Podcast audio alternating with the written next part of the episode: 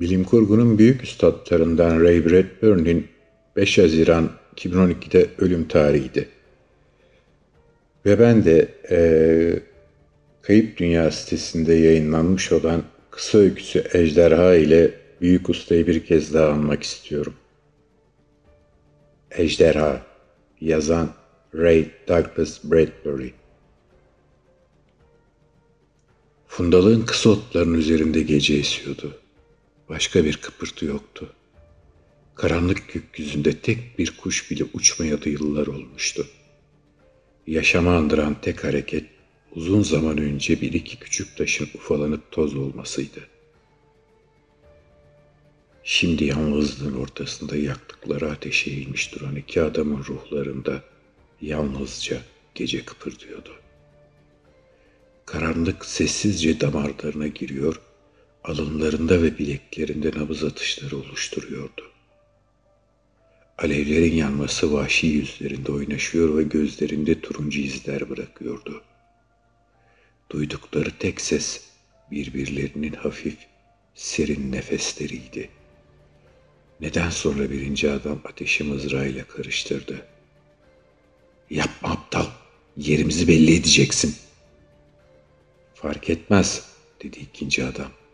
Ejderha kilometreler öteden kokumuzu alabilir. Tanrım, bu ne soğuk. Şatoda olmayı dilerdim. Ölümün peşindeyiz, uykunun değil. Neden? Neden? Ejderha kasabaya hiç ayak basmıyor ki. Sessiz ol budala. Kasabamızdan diğer kasabaya tek başına yolculuk eden adamları yiyor. E varsın yesin. Biz de evimize gidelim. Dur. Dinle. İki adam hareketsiz kaldılar. Uzun süre beklediler ama atlarının kadife derilerinin ürpermesiyle gümüş mahmuzların usul usul sallanarak çıkardığı sesten başka bir şey duyamadılar. İkinci adam içini çekti. Burası kabuslar ülkesi. Burada her şey olabilir. Birisi güneşi söndürüyor, gece oluyor. Ondan sonra ah tanrım o ejderha gözleri ateşten diyorlar. Nefesi beyaz bir gaz. Karanlık topraklar boyunca yanıyor. Sülfür ve gök gürültüsüyle besleniyor. Otları tutuşturuyor. Koyunlar korkudan çıldırıp ölüyorlar. Kadınlar ucubeler doğuruyor. Ejderhanın öfkesi o denli büyük ki kuleleri sarsıp yıkıyor, toz ediyor. Güneş doğduğunda tepelerin her yanında onun kurbanları yatıyor.'' Kaç şövalye onunla çarpıştı ve yenik düştü. Bir düşünsene. Tıpkı bizim de yenileceğimiz gibi. Yeter. Yeter de artar bile. Şu ıssızlığın ortasında hangi yılda olduğumuzu bile bilmiyorum. İsa'nın doğumundan sonraki 9. yüzyıldayız. Hayır, diye fısıldadı ikinci adam gözleri kapalı. Bu çayırlıkta zaman diye bir şey yok.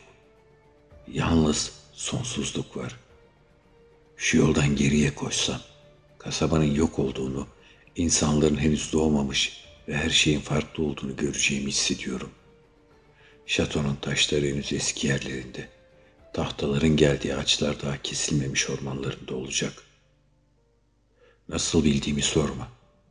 Bu çayırlık biliyor. O bana söylüyor. Ve biz burada ateş saçan ejderhanın ülkesindeyiz. Tanrı yardımcımız olsun. Bu kadar korkuyorsan zırhını kuşan. Ne yarar olur? Ejderha bir yerden çıkıp geliyor.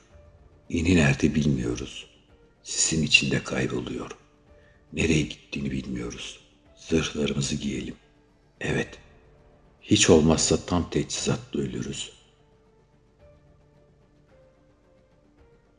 İkinci adam gümüş zırhın üst kısmını giyerken durakladı ve başını çevirdi. Çayırdığın kalbinin derinliklerinden gelen gece ve hiçlik dolu loş arazide rüzgar eski saatlerin tozunu üfledi ve tozlar zamanı bildirdi. Bu yeni rüzgarın kalbinde kara güneşler ve ufukların ötesindeki bir sonbahar ağacından dökülmüş milyonlarca yanık yaprak vardı. Bu rüzgar her şeyi eritti. Kemikleri bal mumu gibi uzattı. Şövalyenin damarlarındaki kanı koyulaştırıp beyinlerinin içinde çamur birikintisine çevirdi. Bu rüzgar ölmekte olan binlerce ruhun zaman karmaşası içinden geçişiydi. Sisin karanlığı içindeki dumandı.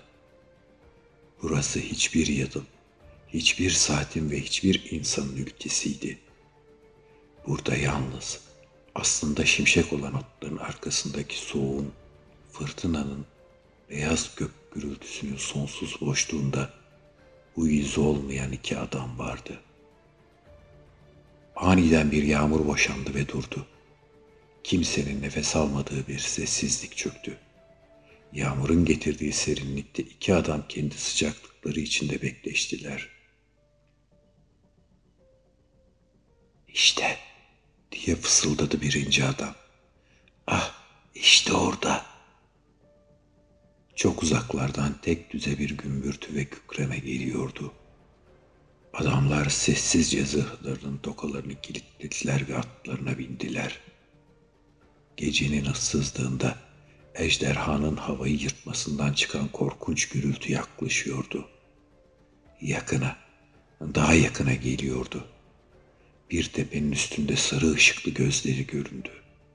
Arkasında karanlık bedeninin kıvrımları tepelerde, vadilerde görünüp kayboluyordu. Çabuk! Atlarını bir tepenin oyuna doğru mahmuzladılar. İşte buradan geçiyor. Mızraklarını aldılar. Atların vizörlerini indirip onları kör ettiler. Tanrım! Evet, onun adını anma zamanı. Tam o anda ejderha bir tepenin yanından kıvrılarak karşılarında belirdi. İki şövalyenin üstüne dikilen amber renkli gözleri zırhlarını kırmızı alevlere bürüdü. Korkunç bir çığlık atarak üzerlerine atladı. Yardım et Tanrım! Şövalyenin elindeki mızrak kapaksız sarı göze çarptı. Büküldü. Adamı havaya fırlattı. Altına alıp yuvarladı, ezdi. Hızını kesmeden siyah, yanık omzunu ikinci ata ve binicisine vurdu. Onları 300 metre öteye bir kaya yığının arkasına savurdu. Çığlık çığlığa iki yanına ve altına ateşler saçtı. Pembe, sarı, turuncu bir güneşin gözleri köreden ateşiydi bu. Bir ses, sen de gördün mü? diye haykırdı. İşte tam sana anlattığım gibi. Tıpkı böyleydi. Tıpkı böyleydi. Zırhlar içinde bir şövalye. Harry, aman tanrım, çarptık ona. Fren yapmayacak mısın? Bir keresinde yapmıştım. Hiçbir şey bulamadım. Hiçbir iz yoktu. Bu çayırlıkta durmaktan hoşlanmıyorum. İçimi ürpertiler sarıyor. Burası insana çok tuhaf bir his veriyor. Ama bir şeye çarptık. O kadar düdük çaldım adam kıpırdamadı ki. Fışkıran buhar sisi yardı. Stockley'e vaktinde varacağız. Daha kömür atayım mı? Ne dersin Fred? Düdüğün keskin ıslığı boş gökyüzünü sarsarak çiğleri yere indirdi. Gece treni ateşi ve öfkesiyle bir tepenin yamacındaki sel yarığından hızla geçip yokuş tırmandı.